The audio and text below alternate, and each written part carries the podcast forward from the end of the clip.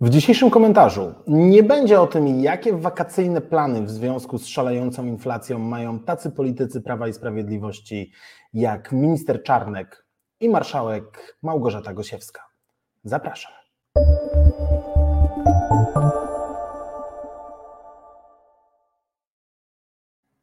Ja się nazywam Piotr Trudnowski. To jest komentarz na kanałach Klubu Jagiellońskiego na YouTubie i na platformach podcastowych.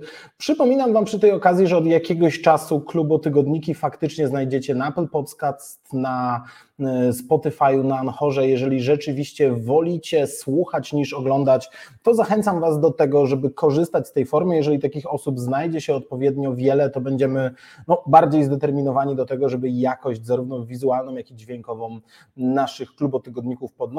Na razie, jak wiecie, jesteśmy e, na etapie eksperymentów, ale mamy takie plany, żeby po tych wakacyjnych eksperymentach najpóźniej we wrześniu, październiku wystartować z kilka nowymi formatami, które mam nadzieję będą dla Was ciekawe, pomogą nam rozwijać e, kanał i trochę szersze spektrum działalności Klubu Jagiellońskiego w tej przestrzeni, z jednej strony YouTube'owej, z drugiej strony w przestrzeni e, podcastowej móc prezentować, więc serdecznie zachęcam do subskrypcji tutaj na YouTubie i do śledzenia klubotygodnika na platformach podcastowych. Dzisiaj oczywiście temat może być tylko jeden, no bo można powiedzieć, że z przytupem polityka E, weszła na YouTube'a. W tym tygodniu mieliśmy dwa YouTube'owe hity, dwa YouTube'owe materiały, które były związane z polityką. W czwartek na karcie na czasie, na czasie w top 4 materiałów e, na YouTubie mieliśmy aż dwa, które można by powiedzieć, że w jakimś sensie są polityczne. Chodzi oczywiście o występ Marianny Schreiber, w kanale sportowym w Hate Parku Krzysztofa Stanowskiego. Ponad, grubo ponad pół miliona wyświetleń ma ta długa, prawie trzygodzinna rozmowa Marianny Schreiber ze Stanowskim. No i mamy ten największy hit, największe wydarzenie tego tygodnia sezonu ogórkowego, czyli orędzie maty, w którym zapowiada swój start w wyborach prezydenckich w 2040 roku. Oczywiście można by powiedzieć, że e, doskonale wiadomo, że to nie jest poważna polityka, nie jest prawdziwa polityka, nie jest coś, czym powinniśmy się no, teoretycznie na poważnym kanale e, zajmować, ale ja uważam, że ten fenomen mówi nam o współczesnej kulturze i współczesnej polityce, tego jak, o tym, jak funkcjonują media, coś niezwykle ciekawego, dlatego kilka takich myśli związanych E, z tymi dwoma fenomenami mijającego tygodnia chciałem przy tej okazji e, pokazać, podzielić się z Wami swoimi e, przemyśleniami. Mam nadzieję, że one będą czymś więcej niż tylko komentarzem do tej bieżączki sezonu ogórkowego. No bo oczywiście specyficzna to polityka. Z jednej strony mamy Mariannę Schreiber, no, może nie wszyscy znają tę postać, krótko mm, o niej opowiem. To młoda kobieta, matka z wykształceniem pedagogicznym, e, która jakiś czas temu, dobrych kilka miesięcy temu, zaczęła istnieć w polskim świecie medialnym, celebryckim, e, no i teraz można powiedzieć politycznym. Jej nagranie jest jednym z najpopularniejszych na kanale sportowym od jakiegoś czasu, a jeszcze niedawno tak naprawdę nikt tej postaci nie kojarzył. E, ona kilka miesięcy temu zdecydowała się na występ w programie Top Model. Nie zrobiła tam wielkiej e, kariery, ale zainteresowała media różnego rodzaju. Dlaczego zainteresowała te media? Otóż dlatego, że od samego początku opowiadano tę historię przez pryzmat tego, że Marianna Schreiber bierze udział w tym programie niejako w kontrze do swojego męża, który jest ważnym politykiem, ministrem w kancelarii Mateusza Morawieckiego, politykiem Prawa i Sprawiedliwości, wywodzi się w ogóle z takiej związanej z polityką i pisem e, rodziny. Grzegorz Schreiber jest też ważną osobą obozu władzy. To ojciec Łukasza Schreibera, teść Marianny. E, no i ona przez ten swój udział w programie, przez dalsze aktywności w mediach społecznościowych zaczęła budzić coraz większe zainteresowanie e, mediów. E, dostała swój program satyryczny od Super Expressu, zaczęła udzielać kolejnych wywiadów, samemu zaprasza, zapraszać różne osoby do swoich programów, budować wokół siebie coraz większe zainteresowanie na różne dziwne sposoby, a to ogłosiła, że chce współpracować z partią Nowoczesna, a to zaczęła do mediów społecznościowych wrzucać wrzucać zdjęcia swojego niezbyt szczęśliwego z, ze wspólnie spędzonego czasu męża i tak dalej, i tak dalej, aż wreszcie ogłosiła start partii politycznej, partii Mam Dość 2023. No i właśnie ta jej partia polityczna, dość dziwaczna, nie będę streszczał e, historii tego projektu politycznego, bo niektórzy z Was o tym wiedzą, inni mogą się na przykład z rozmowy ze Stanowskim sporo na ten temat dowiedzieć, no ale to właśnie ta partia polityczna,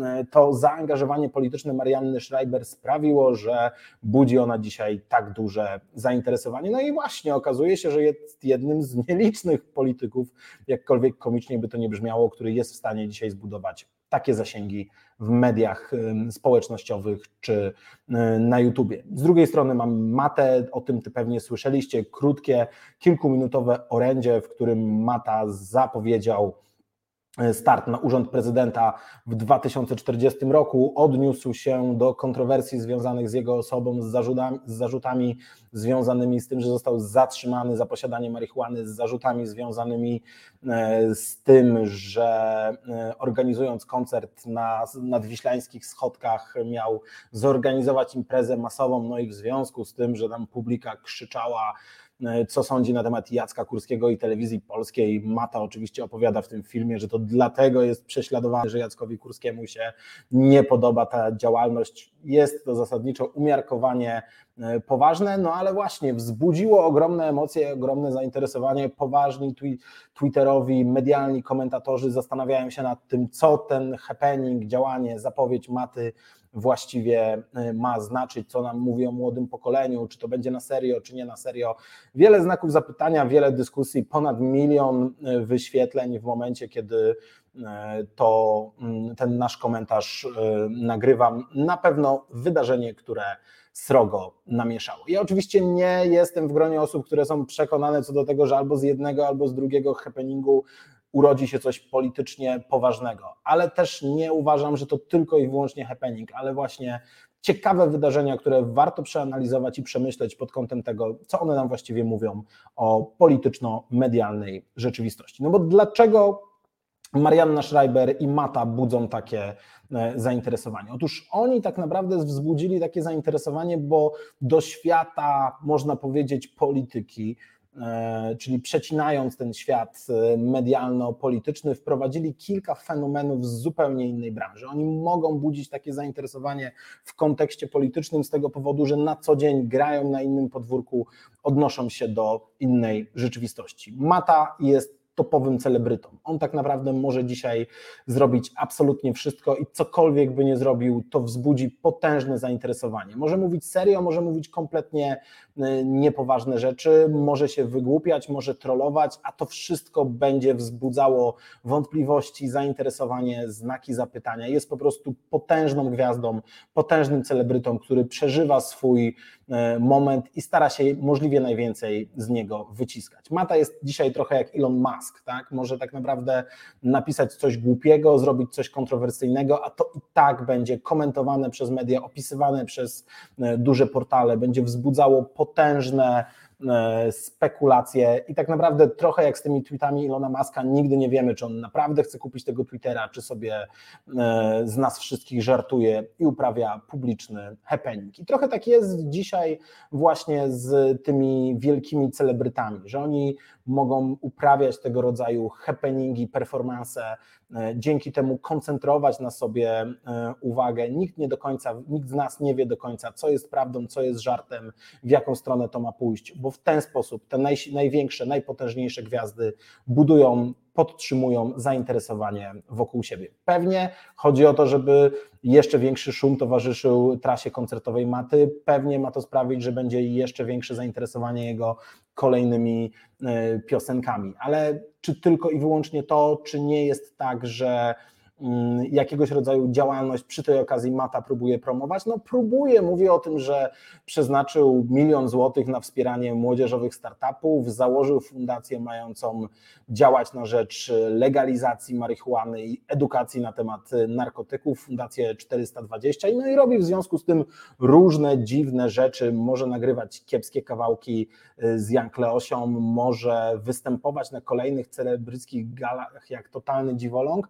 i zawsze wzbudza E, zainteresowanie. Tak to dzisiaj wygląda. Życie prywatne, życie społeczne, obywatelskie, wszystkie te formy zaangażowania celebrytów budzą dzisiaj medialne, medialną gorączkę. I dzieje się to od bardzo dawna na każdym polu, ale trzeba przyznać, że ci współcześni artyści i współcześni celebryci e, doprowadzili tę sztukę do perfekcji. Mamy Quebona Fide, który może sobie promować nową płytę e, jakimiś kolejnymi przepoczwarzeniami, może mówić, że przestaje być muzykiem, że zaczyna studia medyczne, może wracać do swojego wizerunku sprzed 20 e, czy kilkunastu lat, może jeździć po dniach ziemniaka i śpiewać tam piosenki z początku lat 2000, jednocześnie organizując jakieś wielkie gale. Mieliśmy takich celebrytów, którzy kreowali swoje romanse. Pamiętacie słynny romans Dody i Nergala? Takich historii w tym celebryckim życiu jest bardzo dużo. To wszystko ma jeden cel: koncentrować wokół danej postaci zainteresowanie,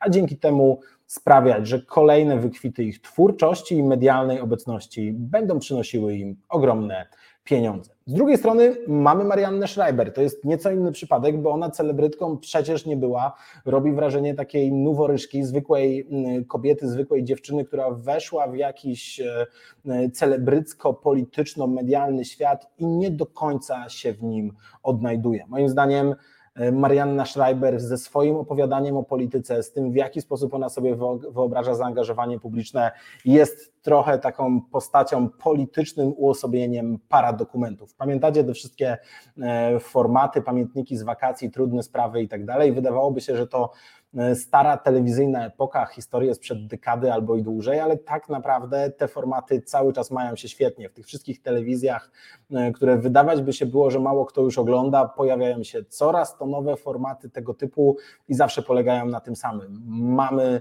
zwykłych ludzi, którzy mają odgrywać jakieś paradokumentalne scenki, mamy wykrzywione, karykaturalne problemy, i z jakiegoś powodu ludzie to oglądają. Z jednej strony, jak sądzę, część osób, które to ogląda, ogląda dlatego, że jednak jakoś w tej opowieści się odnajduje, że cieszy się, że w telewizji może zobaczyć nieprofesjonalnych aktorów, nie sztukę wyreżyserowaną od A do Z, ale kogoś takiego, kto właśnie no, w jakiś sposób nas samych nam w tym formacie, w tych historiach przypominam. Ale z drugiej strony mamy też takie zjawisko ludzi, którzy oglądają tego typu formaty, no i czują to zażenowanie, odnajdują się w e, komentowaniu, żartowaniu z tego, zdziwieniu się, jak to możliwe, że coś tak dziwacznego, patologicznego, cringe'owego może funkcjonować w telewizji, te wszystkie mięsne jeże i podobne tego typu historie. I to jest druga grupa, która też daje się złapać na ten haczyk. Nie tylko ci, którzy się w tych historiach odnajdują, ale też ci, którzy dziwią się temu, że ci pierwsi się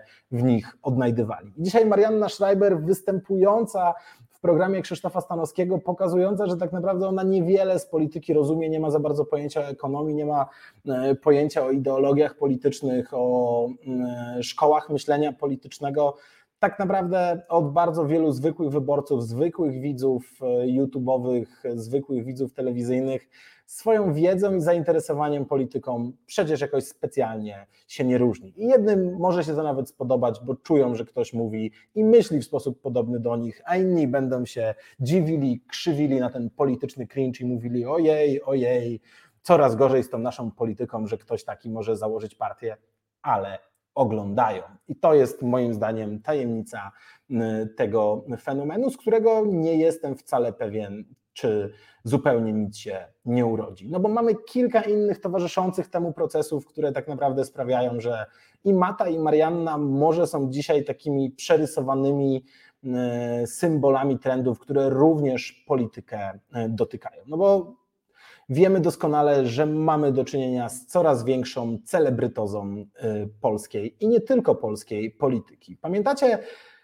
Platforma Obywatelska i Prawo i Sprawiedliwość podzieliły między siebie Polskę, można powiedzieć, już 18 lat temu. W 2005 roku te dwie partie zajęły dwie, dwa główne miejsca i tak naprawdę od 18 lat są głównymi punktami odniesienia na scenie politycznej. No i zastanówmy się nad tym, co od tego 2005 roku na polskiej scenie politycznej się wydarzało, komu się udawało na niej przebijać. Pierwszy, pierwszy w tym gronie był Janusz Palikot, który co prawda zaczął niby karierę polityczną dość tradycyjnie, no bo jako przedsiębiorca dołączył do Platformy Obywatelskiej, ale przecierał różnego rodzaju szlaki celebryckiej polityki. Zacznijmy od tego, że zmieniał swoje poglądy niczym Marianna Schreiber, Schreiber, zanim wszedł do polityki, był konserwatywnym biznesmenem wspierającym różnego rodzaju kościelne y, inicjatywy z czasopismem, z czasopismem Ozon na czele. Przyjaźnił się z ojcem świętej pamięci, ojcem Maciejem Ziębą, kręcił w tego rodzaju konserwatywno-liberalnych środowiskach, a później stwierdził, że będzie twarzą polskiej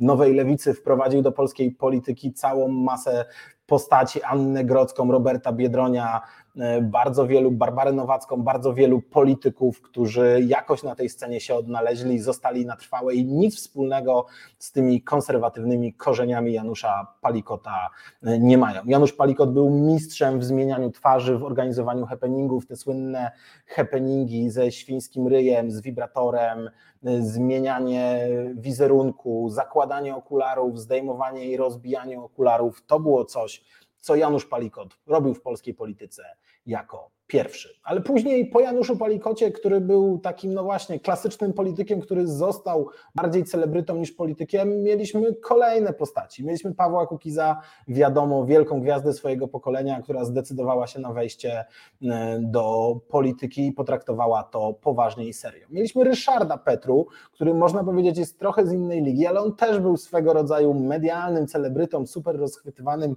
ekonomicznym ekspertem, taką telewizyjną, gadającą głową, która też też dzięki temu, że miała tę popularność z innego świata, szybko, dynamicznie zaistniała na polskiej scenie politycznej i również szybko na niej zgasła. Ostatnie wejście z przytupem do polskiej polityki, ostatni z projektów, który próbował rozbić duopol popisu, to oczywiście Szymon Hołownia. I znów, dzisiaj już się trochę do tego przyzwyczailiśmy, że Szymon Hołownia jest y, politykiem, no ale on przecież też wchodził do tej polityki, nawet nie jako katolicki publicysta, nie jako autor książek, tylko przede wszystkim jako rozpoznawalny celebryta prowadzący talent show. No i okazuje się, że z tym trendem celebrytyzacji y, mamy do czynienia w sposób bardzo wyrazisty. Nie pojawiły się poważne projekty polityczne naukowców, y, myślicieli politycznych, publicystów, tylko właśnie takich super rozpoznawalnych postaci. I to nie jest tylko polski trend, kiedy przyjrzymy się europejskiej scenie politycznej, kiedy spojrzymy na różne państwa, to prawie wszędzie tego typu projekty znajdziemy. Przecież sam Donald Trump y, został prezydentem przede wszystkim dlatego, że był milionerem i celebrytą, a nie tylko milionerem i nie tylko osobą o ambicjach politycznych. Wołodymyr Zełański chyba najbardziej taki dzisiaj zrozumiały przykład tego, jak bardzo happeningiem do polityki wejść można. Przecież kiedy Zełański przechodził z roli aktora i komika do polityka, też wiele osób myślało, że to tylko happening, że nie będzie w tym nic na poważnie. A tu proszę, stał się nie tylko prezydentem, ale też symbolem e, dzisiejszej e, polityki. Takich przykładów jest bardzo wiele i sądzę, że od tego trendu łatwo się nie odwrócimy. Kolejna sprawa, o którą chciałem jeszcze zwrócić uwagę, to fakt, że e, polityka coraz bardziej przypomina taki freak fight, taką, takie, takie zawody w kisielu, walki w klatce postaci zupełnie niepoważnych. No bo można by powiedzieć, cóż to będzie za polityka, kiedy w studiu telewizyjnym będzie miał dyskutować Mata z Marianną Schreiber. Można się z tego śmiać, można to traktować zupełnie niepoważnie, ale tak na chwilę się przy tym zatrzymajmy. Czy to jest tak, że Marianna Schreiber jest jakoś dużo bardziej śmieszna niż Łukasz Mejza wygłaszający orędzie na cześć Jarosława Kaczyńskiego przed pustym Sejmem, czy Mata jest dużo bardziej śmieszny niż Klaudia Jachira, która rozrzuca jakieś papierowe pieniądze po Sejmie i weszła do tej polityki dlatego, że nagrywała durne filmiki z pacynkami na YouTube'a. Czy faktycznie dyskusja Maty z Marianną Schreiber byłaby czymś radykalnie bardziej żenującym niż dyskusja Krystyny Pawłowicz z Joanną Senyszyn, nie tylko doświadczonymi polityczkami, ale też poważnymi kobietami z tytułami naukowymi? Czy to naprawdę byłoby coś radykalnie gorszego, bardziej żenującego, bardziej odrzucającego, świadczącego o upadku polskiej polityki? Nie sądzę. Przemieniliśmy politykę właśnie w takie starcie dziwacznych, kontrowersyjnych, przerysowanych postaci. No i cóż, trudno się dziwić, że kolejne takie postaci budzą zainteresowanie widzów, budzą zainteresowanie komentatorów, bo wcale od tej tradycyjnie rozumianej polityki tak bardzo się e, nie różnią. Ostatnia kwestia, na którą chciałem zwrócić e, uwagę, to fakt, że tak naprawdę ja mam bardzo mocne wrażenie, że te dwa fenomeny fakt, że i Mata i Marianna Schreiber wywołały jednak duże emocje i duże zainteresowanie, to nie jest tylko kwestia sezonu ogórkowego. To jest również kwestia tego, że tak naprawdę dojrzewa wśród wielu osób takie przekonanie i poczucie, że na polskiej scenie politycznej musi się niebawem pojawić jakiś nowy projekt. Ja sądzę, że do wyborów jesienią 2023 roku. Jakiś taki nowy projekt, to co Jarosław Flis nazywa tymczasowym ugrupowaniem protestu, taka formacja jak formacje wspomnianych Palikota, Kukiza czy Szymona Hołowni po prostu się pojawi, bo sprzyjają temu okoliczności. Mamy nieco ponad rok do wyborów, to czas, w którym właściwie każdy z tych projektów, o których wspomniałem, zdążył wystartować i osiągnąć całkiem przyzwoity wynik. Mamy nadchodzący kryzys, wiemy, że jesień będzie ciężka, że zima będzie e, ciężka, że będą kłopoty nie tylko z inflacją, ale też z brakiem e, węgla, coraz wyższymi cenami, że te emocje społeczne będą eskalowały i to jest moment, w którym tego rodzaju formacje mają szansę na powodzenie. Wreszcie mam wrażenie, że mamy wiele takich przećwiczonych już scenariuszy, jak to robić. Jeżeli ktoś chce dzisiaj wprowadzić jakiś nowy podmiot na scenę polityczną, to po prostu tego rodzaju fenomeny będzie obserwował, być może nawet będzie traktował je jako jakiegoś rodzaju trening czy eksperyment przed uruchomieniem właściwego projektu. Ja oczywiście nie powiem dzisiaj, że z partii Mam Dość 2023 albo z projektu Mata 2040 coś poważnego wyniknie, ale nie wykluczam tego, że w jakimś sensie te osoby się odnajdą. Nie zdziwiłoby mnie zupełnie, gdyby okazało się, że to co prawda nie młody Mata, ale jego ojciec, profesor Matczak, zdecyduje się wreszcie na wejście do polityki i te przetarcie szlaków przez syna okaże się dla niego przydatne. Szczerze mówiąc, zdecydowanie wolałbym młodego Matę niż profesora Matczaka w polskiej e, polityce. Nie zdziwiłbym się zupełnie, gdyby Marianna Schreiber, może nie samodzielnie, ale w jakiejś konfiguracji odnalazła się na scenie politycznej, była elementem jakiegoś takiego tworzonego, montowanego ruchu protestu, bo trzeba przyznać, że to hasło Mam dość 2023 to może być takie hasło, które ze względu na samą swoją treść w kolejnych wyborach będzie mocno rezonowało. Najbardziej prawdopodobne wydaje mi się to, że ten poważny projekt y, mający wprowadzić coś nowego na scenę polityczną dopiero się y, pojawi. Sądzę, że takich prób będziemy mieli y, wiele. Wiemy doskonale, że chociażby telewizja Polsat planuje uruchomienie programu Sługa Narodu, czyli tego serialu wzorowanego na serialu, który doprowadził Wołodymyra Zełańskiego do prezydentury na Ukrainie. Nie wiem, co z tego wszystkiego się urodzi, ale jestem przekonany, że do 2023 roku taki nowy projekt na scenie politycznej się pojawi. I można oczywiście utyskiwać, że to głupi wyborcy, głupie media e, i tak naprawdę wszyscy zgłupieliśmy, że dajemy się nabierać na tego typu projekty i ruchy. Ale tak naprawdę to chyba w największym stopniu wina wielkich partii politycznych, które tak naprawdę na tyle spopulizowały swój przekaz polityczny, tak bardzo oderwały się od wartości, idei, poważnego traktowania programów i poważnego traktowania politycznego oponenta, że to stare partie stworzyły miejsce na tego rodzaju ruchy. Ciekaw jestem Waszej opinii na ten temat. E, e, czy przekonało Was to, co mówiłem, że w jakiś sposób poważnie jednak należy te dwa e, projekty traktować i zastanawiać się nad tym, co one nam o współczesnej polityce i mediach mówią? Być może któryś z Was budzi któryś z tych projektów budzi w Was jakiegoś rodzaju sympatię, a może macie swojego kandydata do odegrania roli tego tymczasowego ugrupowania protestów w 2023 roku. Myślę, że skoro mamy już Mata 2040, Polska 2050, mam dość 2023, to możecie dać znać w komentarzach, kogo Wam jeszcze w tej układance brakuje i jakie postaci życia celebryckiego chcielibyście zobaczyć w polskiej polityce. Dzięki i do zobaczenia.